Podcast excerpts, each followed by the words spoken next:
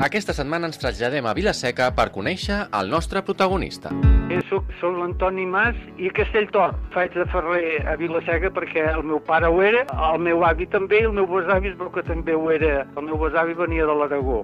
Antoni Mas, reconegut ferrer vilasecà que de petit ja es va anar formant i va mamar el seu ofici d'herència familiar. Pues la meva infància, vaig anar a l'escola com era natural aquí a Vilaseca, encalat aquí a Vilaseca, que tenia una pretensió més d'estudiar, anaven a l'acadèmia Reus, i vaig anar un any a l'acadèmia Reus, encara vaig tornar aquí a Vilaseca, i encalat un dia vam decidir anar a l'escola de maestria de Tarragona, bé, doncs, coses de planxa, fer planos, a fer... i que- això ja em va capacitar i encalat, doncs, el pare va necessitar eh, un aprenent i, i vaig passar jo, ja no vaig acabar els estudis a l'escola i quan vaig poder vaig anar a l'escola d'art perquè també m'ha anat portant el camí eh, que, que he anat seguint sense jo buscar-lo m'ho he anat trobant. I no només va heretar l'ofici, sinó també el seu taller. Allà on ara encara és el primer taller, taller que l'avi... L'avi venia de l'Aragó i es veu que era, ja venia d'un ferrer i, i va tindre tres fills i els va dir aquest poble només hi ha feina per un, els altres diu heu de tombar a buscar feina. I el meu avi va fer cap aquí a Vilaseca i la casa on se va posar l'avi és on, on encara estic jo i el modernitzant i posant elèctric i tot el que m'he anat trobant doncs aquí ja estic A més, l'Antoni va anar més enllà de les tasques pròpies d'un ferrer. El meu pare era amic d'un escultor d'aquí Vilaseca i jo vaig anar creixent doncs, amb el que veia de la gent gran, que era el meu pare i aquest amic escultor que és Joan Salvador Voltes, que és l'escultor que va fer el pas del retorn del Calvari i va fer escultures per aquí a Tarragona. Fèiem de ferrers per les coses dels pagesos, però això dels pagesos se va acabar i vam tirar, jo més que serralleria ja vaig tirar cap, cap a fer coses de disseny jo, però per exemple anant a l'escola eh, se t'amplia el camp de les coses de fer i vaig anar trobant feines que, que m'anaven venint inesperadament, sense ni jo demanar-ho ni desitjar.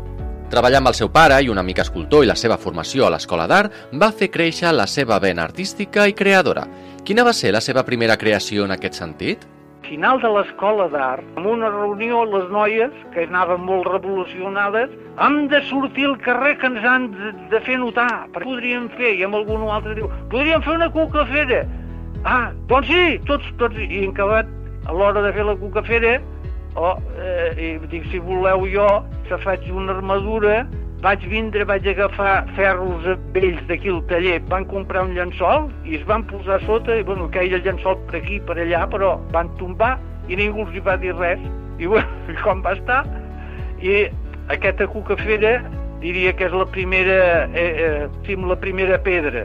I en acabat, amb aquest mateix ambient d'obertura, aquí a Vilaseca van decidir fer uns gegants i llavors vaig agafar la misma, mateixa tècnica d'abans de la cucafera i vaig muntar l'estructura i finalment, com que havia anat a les classes d'escultura amb el senyor Saumells, doncs allí havia pres les tècniques prèvies per fer els gegants, cares de fang, com ho havia fet allà, i llavors vaig anar a buscar un que sabia fer motllos de valls, vam treure uns motllos de guix i, i vam fer uns, uns gegants de polièster.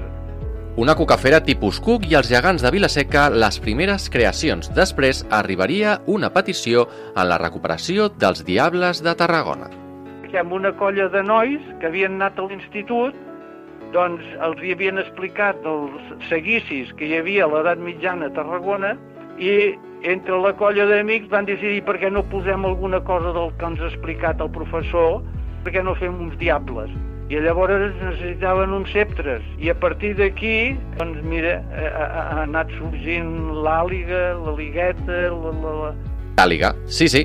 I és que ja sabeu que aquest element també forma part de la colla de Diables tarragonins. Doncs un dia em van vindre a buscar del gremi dels joiers duien una àliga i llavors hi havia hagut una àliga aquí a Tarragona i sobretot per tornar-la a reconstruir. I vam anar a Vilanova i la Geltrú, que allà hi, hi havia un tècnic en festes populars que coneixien els de Tarragona, que havia muntat una exposició d'àligues de Catalunya. I això es van posar, agafarem una àliga i farem una àliga, i, i, però hi havia l'àliga que a mi em va agradar molt, era la de Girona i, i, i vam agafar eh, potser les mides i tot de, semblant a la de Girona. I quan vaig vindre cap aquí, doncs vaig anar fent, ja vaig treballar vaig, el dibuix, el, el, primer, no recordo si fos ara, el vaig dibuixar aquí terra al taller, el tamany de l'àliga. Jo vaig pensar que, com que allò era metàl·lic, ja havia treballat amb llautó fent coses i anava venint i, i ja, clar, vaig muntar l'estructura de ferro i, i llavors retallant unes plomes en paper i vaig començar a fer unes plomes petites que començava pel coll i cada vegada donaven més llargues perquè això les llargues i les allargava per fer més vi i no fent tantes. I a la cua ja, ja, ja tenen quasi 30 centímetres les plomes de la cua. Doncs vaig intentar veure si me'n sortia de fer el bec.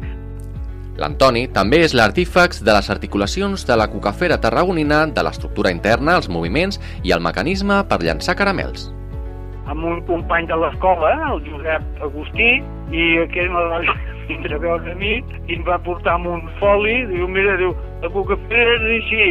I era, un, un, bueno, era com una mitja circunferència amb el caparret de dragó i uns peus a sota i a partir d'allí, d'aquests folis, Dic, però quants hi han d'anar? I van preguntar quants hi aniria. No, me diu, almenys haurien de portar entre 5 o 6 o 7. I amb un senyor que venia aquí, posis aquí, Vicenç, i feia un...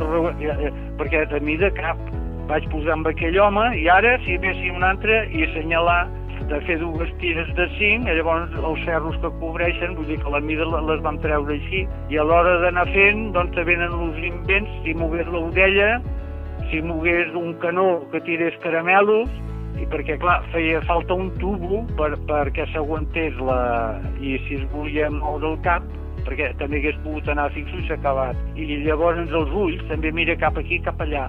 Per tot plegat, l'Antoni Mas també va ser perpetuador de les festes de Santa Tecla, però més enllà d'elements festius, també cal destacar que va ser l'artífex de la Torre dels Vents de Tarragona. Del Nadal volia acabar la Rambla en algun lloc i és el que va decidir acabar el Rambla allà baix. El dia que els van dir de fer una cosa gran, els de l'art d'aquí van pensar en l'Antoni Mas, que volien fer una escultura que es vegés a davant del cort inglès. Maqueta és a queixa, però doncs tindria 30 metres. Total que allò pensant és quin disbarat. I, ja, I un dia diu, no, Antonio, hem de fer l'escultura. Ma clar, però diu, si és més gran l'escultura com el taller. L'última vegada que he vist el Nadal era la Rambla que jo anava avall amb la meva dona i ell pujava i, i allò sense parar, eh? Mas, diu, m'han fet 10 metres curta. Mare de Déu, dic, home, equivocat de 10 metres. Però és perquè me van dir allí davant del cort inglès i pensava, cuit, se veurà bé, perquè des de dalt, allí els despullats, doncs clar, amb 10 metres més segur que s'hagués vist que ell era el que tenia calculat que des de la punta, des del cap de la Rambla, s'hagués vist la, la, la rodona aquella. Antonio Mas, un vilassacà, ferrer, artista i protagonista avui del podcast veïnal de Carrer Major.